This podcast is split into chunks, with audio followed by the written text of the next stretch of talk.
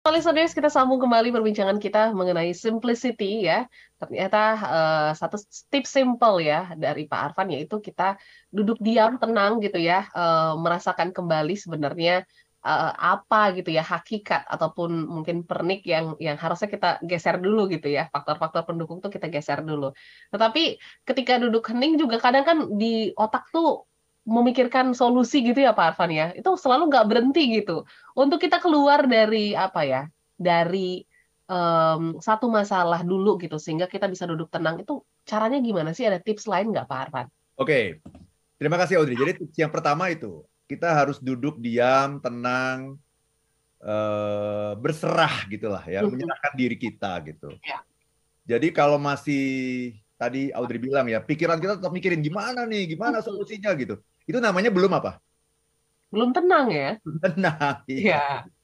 Belum tenang, belum okay. hening gitu loh. Uh-huh. Tidak ada masalah itu yang tidak ada solusinya. Yes. Dan sesungguhnya tidak ada masalah besar bagi Tuhan yang maha besar. Betul. Ya, semua masalah itu bisa selesai kok gitu. Cuma kitanya ini, jadi yang sering kali membuat rumit itu bukan masalahnya, tapi pikiran kita. Iya yang membuat rumit itu bukan masalahnya tapi situasinya gitu yang membuat rumit ya maka eh, teknik yang lain yang bisa kita lakukan selain duduk tenang diam hening gitu ya juga adalah kita keluar dari kotak itu yang saya sampaikan dalam buku The Seven Laws of Happiness uh-huh. teknik yang menarik sekali Audrey yeah. keluar dari kotak gitu uh-huh. jadi bayangkan misalnya kita um, kalau kita masuk ke bekerja gitu di sebuah kantor ya yes Audrey bekerja di Smart FM. Iya. Berarti Audrey itu sesungguhnya sudah masuk kotak. Oke. Okay. Masuk kotak yang namanya kotak Smart FM okay. dan Kompas uh, Gramedia. Group Radio Network seperti itu ya. Udah masuk kotak. Nah, orang yang sudah masuk kotak itu uh, tidak bisa melihat masalah dari sudut pandang yang lebih luas. Mm -hmm, betul. Iya kan? Sehingga ya. masalah kelihatan rumit. Pasti wah saya di, di kantor banyak sekali kerjaan saya ada ini A B C D E udah bertumpuk terus saya harus menghadapi berbagai macam manusia di kantor ya. Aha. mulai dari atasan rekan kerja klien narasumber macam-macam gitu. Nah, itu semuanya kompleks. Punya karakter masing-masing punya tipe yang berbeda-beda gitu ya. Kan kelihatannya rumit sekali kan? Betul. Kerjaan tiap hari nggak habis-habis nih gitu ya. Nah ketika kita mengalami masalah tambah rumit lagi. Iya. Maka Anda itu harus uh, sering kali keluar kotak gitu. Mm. Keluar kotak itu apa? Ganti posisi. Okay. Kalau kita di dalam kotak, ya itu kita menjadi pemain namanya. Tapi kalau kita ada di luar kotak, kita menjadi apa? Jadi penonton. Penonton, menjadi pengamat. Iya, yes, pengamat. Nah, yang lebih pinter siapa? Pengamat atau pemain? Biasanya pengamat karena melihat semuanya ya. Iya, pengamat bola itu pinter banget itu dia. pengamat bola itu lebih pinter dari pemain bola. Betul. Ya, dia bisa melihat karena dia bisa melihat keseluruhan lapangan. Yes. Kalau pemain bola dia cuma melihat apa yang ada di depan matanya. Ya. Nah, sama dalam hidup juga kita sering kali seperti itu. Karena kita berada di dalam kotak, maka kita terlibat dalam masalah itu begitu intensnya, melibatkan emosi juga gitu, sehingga kita sering kali kehilangan akal sehat gitu. Ya. Maka kita perlu dalam hidup ini selalu ambil posisi sebagai pengamat. Jadi nanti jadi pemain lagi. Oke. Okay. Tapi ketika jadi pemain kok ini rumit sekali ya semuanya ya. Oke, tunggu dulu. Itu rumit itu karena Anda ada di dalam kotak. Coba keluar dulu dari dalam kotak. Coba lihat dari kejauhan. Jadi nanti Audrey itu ada dua, ada Audrey yang di dalam kotak, okay. Audrey sebagai pemain, ada Audrey sebagai pengamat yang ada di luar gitu. Nah, aplikasinya gimana? Gini, saya pernah mengalami sebuah masalah dalam pekerjaan. Udah lama sih. Waktu itu saya punya seorang atasan itu yang kerjanya marah-marah terus. Oke. Okay. Dia marah-marah, sering maki-maki orang. Sampai resepsionis di, di kantor kita itu sering mimpi buruk gitu. Mimpi buruknya apa? Ketemu sama atasan itu gitu. Ya, oh. oh, mimpi buruk. Marah-marah terus ya dan banyak sekali lah tingkah yeah. polanya yang membuat kita itu tidak nyaman di kantor. saya merasa saya ya sebagai sebagai anak buahnya itu merasa waduh ini kayaknya uh, hidup ini begitu rumit, begitu suram dan sebagainya gitu. Ya. Kemudian uh, mau mau berhenti juga belum ada pekerjaan yang lain yang lebih baik dan seterusnya. Tapi oh. saya kayak menderita gitu. Hmm. Akhirnya saya curhat sama istri saya kan. Iya. Saya curhat begini gini gini gini. Ternyata yang yang menarik, istri saya bisa melihat masalah itu secara lebih luas. Uh-huh.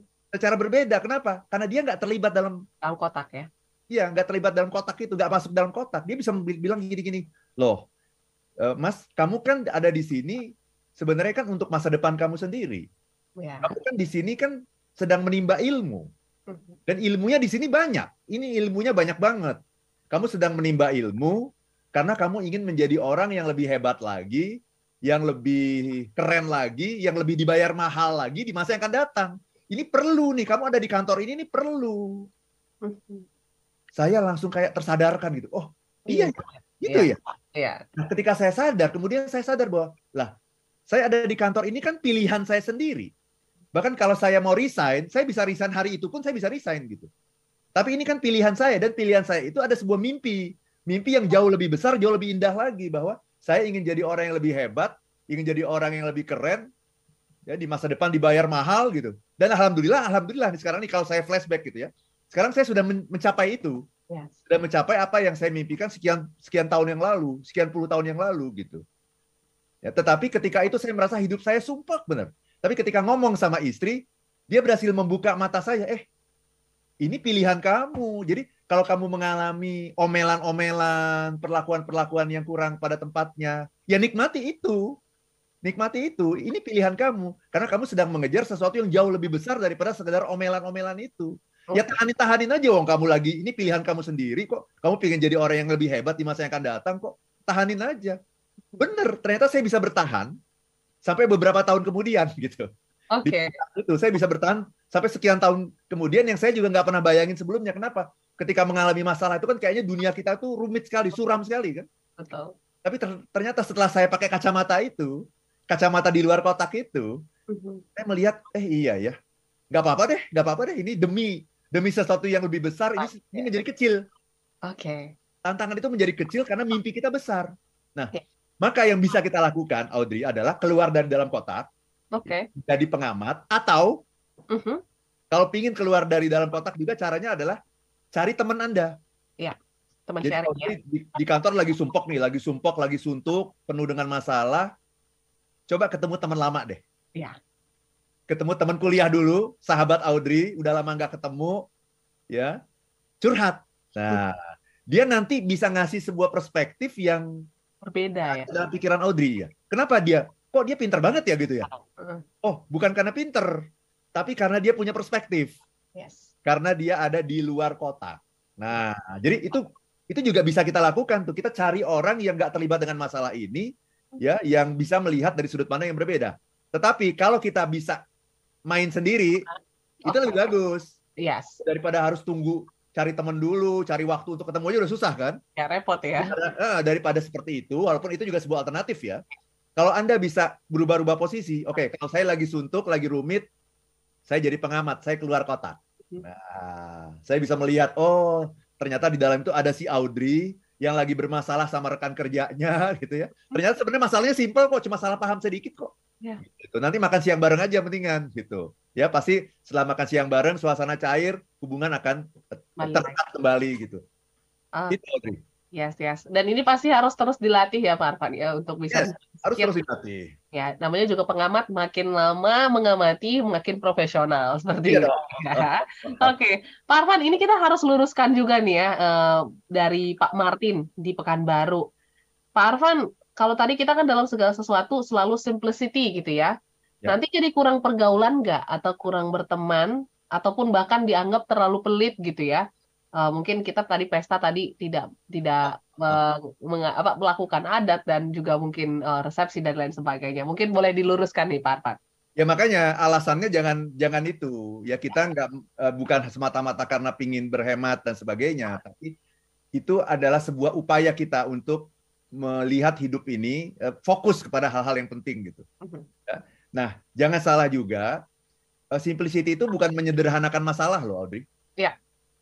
Oke. Okay. Sederhanakan masalah itu pada akhirnya akan menggampangkan masalah. Itu namanya bukan simplicity, tapi simplistis. Simplistis, oke. Okay. Simplistis itu adalah dengan dengan mengatakan ah gampang, ah masa kamu gitu aja nggak tahu, udah gampang lah, udahlah lupain aja lah gitu. Itu namanya simplistis. Uh -huh. Jadi jadi gini, apa bedanya simplistis dengan simplicity? Ke, eh, kesederhanaan sebelum kita memahami masalah uh -huh. itu namanya simplistis. Kesederhanaan sebelum memahami masalah. Tapi kesederhanaan setelah kita memahami masalah, itu namanya simplicity. Jadi untuk bisa mencapai simplicity itu kita harus paham dulu. Kalau nggak paham itu namanya simplistis. Kayak misalnya gini contoh. Audrey kan uh, waktu kuliah di jurusan ilmu komunikasi kan? Betul. Ketika Audrey belum masuk jurusan ilmu komunikasi, uh -huh. maka Audrey akan berpikir bahwa yang namanya komunikasi itu gampang, bener nggak? Iya, orang kan ngomong terus ya hari gitu ya.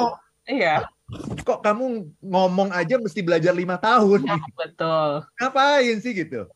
Ya, jadi itu namanya apa? Simplicity atau simplistis? Simplistis. Simplistis. Om belum tahu apa-apa kok langsung ngomong ah komunikasi itu gampang dari kecil pun begitu lahir pun saya sudah berkomunikasi. Dari bayi pun kita sudah berkomunikasi kan ngapain kita kuliah di jurusan ilmu komunikasi lima tahun pula. Susah-susah bikin skripsinya juga susah. Jadi itu gampang nah. Itu namanya kesederhanaan sebelum memahami. Itu namanya simplistis. Oke. Okay. Tapi setelah Audrey kuliah, ternyata komunikasi itu susah gitu ya. Begini, ada teori ilmu komunikasi, komunikasi antar pribadi, komunikasi antar budaya, komunikasi internasional, dan sebagainya gitu. Wah, susah banget nih gitu. Nah, itu setelah Audrey masuk ke dalamnya kan? Ya. Masuk ke dalam tuh, jadi rumit tuh. Uh mm-hmm. -huh. Itulah namanya masuk dalam kotak. Oke. Okay.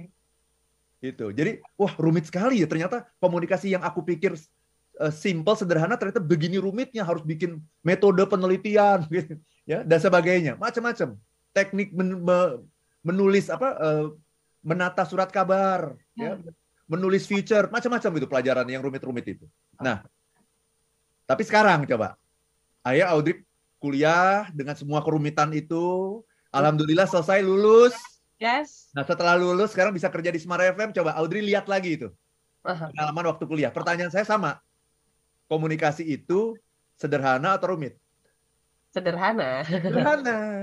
Jadi jawaban Audrey sekarang uh-huh. setelah Audrey lulus dan bekerja itu persis sama dengan jawaban Audrey sebelum Audrey masuk kuliah di jurusan ilmu komunikasi. Persis sama. Ya. Tetapi pemahamannya berbeda. Ya. Kalau dulu Audrey mengatakan begitu karena Audrey belum paham. Mm-hmm. Itu namanya simplistis. Tapi sekarang Audrey mengatakan itu karena Audrey sudah paham. Itu namanya simplicity. simplicity. Oke. Okay. Itu Audrey. Pak, Pak Martin juga jadi lebih paham begitu juga small listeners ya dengan konsep simplicity dan jangan sampai kita mispersepsi menganggap ya um, masalah ataupun tantangan tadi jadi simplistis gitu ya. Tapi ya. uh, nanti kita akan lanjutkan lagi begitu juga ada um, satu kelas yang cukup menarik anger management nanti kita akan tanyakan Pak Arfan gitu ya gimana uh, daftarnya. Yang pasti juga listeners untuk anda yang masih ingin merespon silakan di 0812 11 12 959 atau di channel YouTube kami di Radio Smart FM kita jeda saat Oke Pak Arfan ini ada satu pertanyaan juga yang masuk ke YouTube kita dari Ibu Handani Winardi Selamat pagi Pak Arfan, mohon pencerahannya. Apakah simplicity ini sama dengan pemaknaan dan first principle? Apakah keluar kotak sama dengan helicopter view? Gimana tuh Pak Arfan? Silakan. Yes, jadi keluar kotak itu kayak zoom out ya. Yes. Zoom out gitu. Mhm. Nah, ketika kita zoom out itu kita bisa melihat situasi dengan lebih jernih gitu. Ya. Um, kayak gini, kayak dulu dulu kan saya waktu mahasiswa itu kan jadi anggota paduan suara itu ya. Oke. Okay. Paduan suara mahasiswa UI. Oh. ya, namanya para Gita. Oke, okay, para Gita. Kan kalau paduan suara itu kan ada empat suara tuh ya. Uh-huh. Sopran, alto, tenor, dan bass. Suara saya itu bass gitu ya. Oke okay, ya. Nah, eh, yang menarik adalah ketika kita nyanyi dan dan sebagainya itu yang kedengeran ketika kita nyanyi nih di dalam paduan suara itu. Hmm. Yang kedengeran tuh cuma suara kita kan? Yes ya kan yang kan yang sopran eh, berkelompok sendiri, alto sendiri, tenor sendiri, bass sendiri gitu ya. Kalau kita mau denger ini bagus apa enggak sih paduan suara ini? Enggak kedengeran itu. Pasti. Gitu kan. Nah, pelatih saya sering mengatakan, coba kalau kamu pingin tahu ini paduan suara kita ini udah bagus atau enggak gitu, silahkan kamu keluar ruangan. Oke. Okay. Jadi jangan berada dalam barisan. Ya. Kamu keluar ruangan, kamu dengerin nanti bagus nggak itu? Itu akan terdengar padu padannya ya eh, keharmonisan dari paduan suara itu akan terdengar ketika kita melihat dari kejauhan. Kalau kita ada terlalu dekat dengan masalah, kita bising dengan dengan teriakan kita sendiri, dengan lagu yang kita nyanyikan sendiri gitu.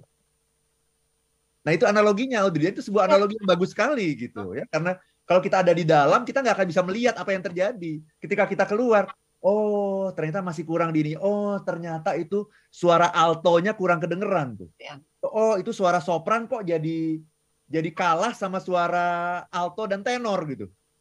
Kan kacau kan gitu kan? Ya, sopran tuh harus dominan karena dia adalah uh, inti dari lagunya itu adalah di suara sopran kan seperti itu.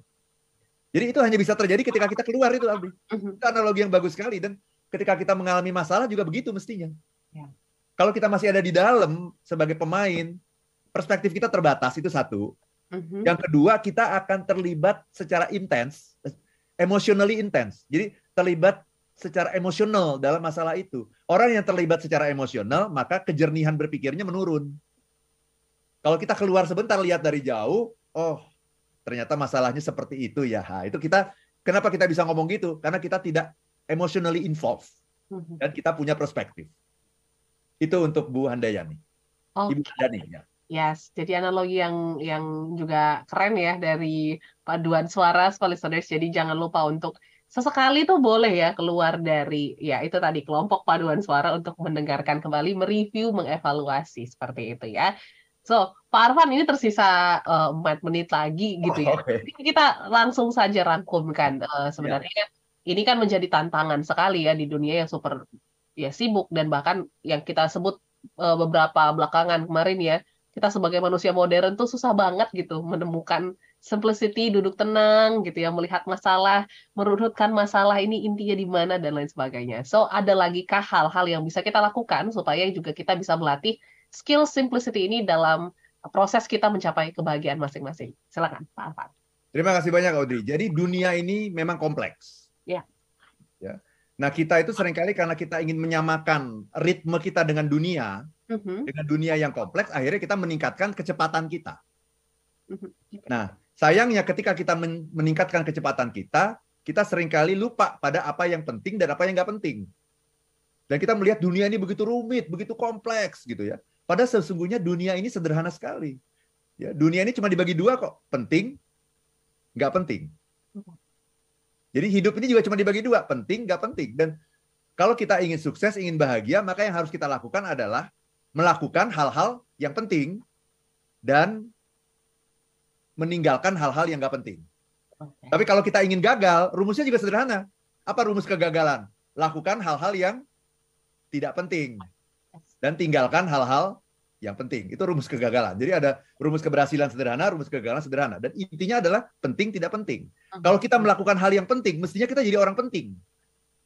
Kalau kita melakukan hal yang penting, mestinya kita jadi orang penting. Tapi hmm. kok kita nggak penting-penting gitu. Kenapa? Mungkin karena kita melakukan hal-hal yang tidak penting. penting. Okay. Nah, tetapi kita sering kali salah melihat. Penting nggak penting itu kita salah melihat. Ini sebenarnya nggak penting, tapi kita anggap penting. Akhirnya kita seriusin. Nah, akhirnya kita jadi salah jalan. Nah, karena itu kita perlu sebuah skills, perlu sebuah keterampilan. Apa itu? Untuk bisa melihat dunia ini dengan penuh kejernihan. Jadi yang namanya simplicity itu apa sih? Simplicity adalah the state of being simple, uncomplicated. The state of being simple, uncomplicated. Jadi kita melihat sesuatu itu sederhana, eh, sesuatu itu ada ketemu tuh intinya. Mm-hmm. Ya, ketemu itu voice bukan noise. Nah ini kan, apalagi di dunia sosmed yang begitu luar biasa sekarang ini, yang sering ketemu tuh noise. Betul. Bukan voice.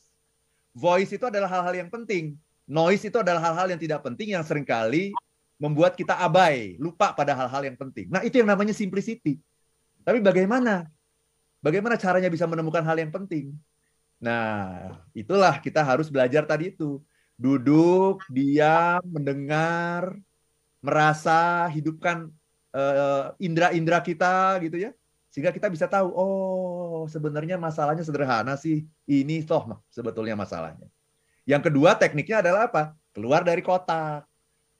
Lihat dengan kacamata dan perspektif penonton, eh, eh, pengamat, Amat. penonton. Pasti Anda akan mendapatkan sesuatu yang berbeda dan melihat masalah itu akan jauh lebih jernih, jauh lebih indah daripada yang kita alami kalau kita menjadi seorang pemain. Oke. Okay. Itu Audrey. Ya, selengkapnya langsung aja dibaca di buku The Seven Laws of Happiness di Tokopedia Pak Arfan ya, Arfan yes, Pra. Tokopedia garis miring Arfan Pra. Arfan ya. Pra. Oke, yang pasti soalnya soalnya minggu depan kita akan lanjutkan berarti ke love ya Pak Arfan ya. Love ya. Jadi kita oh. sudah sudah selesai tiga. Oh, selesaikan, iya. Jadi tiga ini adalah yang kaitan dengan diri kita sendiri, yaitu sabar, syukur, dan simplicity. Simplicity. Minggu depan eh, topik yang berbeda untuk hal-hal yang berkaitan dengan hubungan kita dengan orang lain. Oke, akan sangat menarik pastinya bicara tentang love. Jadi siapkan diri Anda dan set alarm ya di Jumat depan di jam 7 sampai dengan jam 8 untuk mengikuti perbincangan kami. Atau menurut Anda ini satu topik yang sangat menarik ya. Anda boleh share juga. Anda silakan cek di channel YouTube kami di Radio Smart FM. Uh, banyak juga ini dari Pak Raka Arya. Thank you Pak Arfan uh, insight-nya. Begitu juga semua listeners yang sudah mendengarkan. Terima kasih banyak sudah berpartisipasi dan juga uh, mendengarkan insight pagi hari ini. Semoga bermanfaat. Ya pasti kami pamit semua saudari saya Audrey Joanna dan saya Arfan Pradiansyah. If you If want to be happy, be happy, happy now. now.